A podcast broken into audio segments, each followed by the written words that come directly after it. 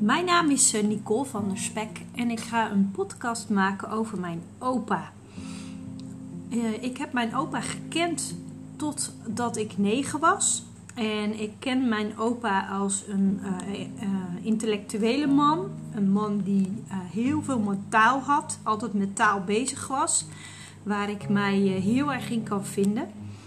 Mijn opa is tijdens de oorlog uh, gevlucht uit Duitsland omdat hij daar moest werken.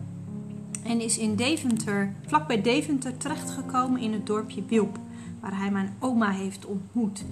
En in deze podcast ga ik uh, uitzoeken uh, wat er met hem gebeurd is. Hoe hij die tijd beleefd heeft in Duitsland. Hoe hij de tocht gemaakt heeft naar Wilp. En hoe hij mijn oma heeft ontdekt.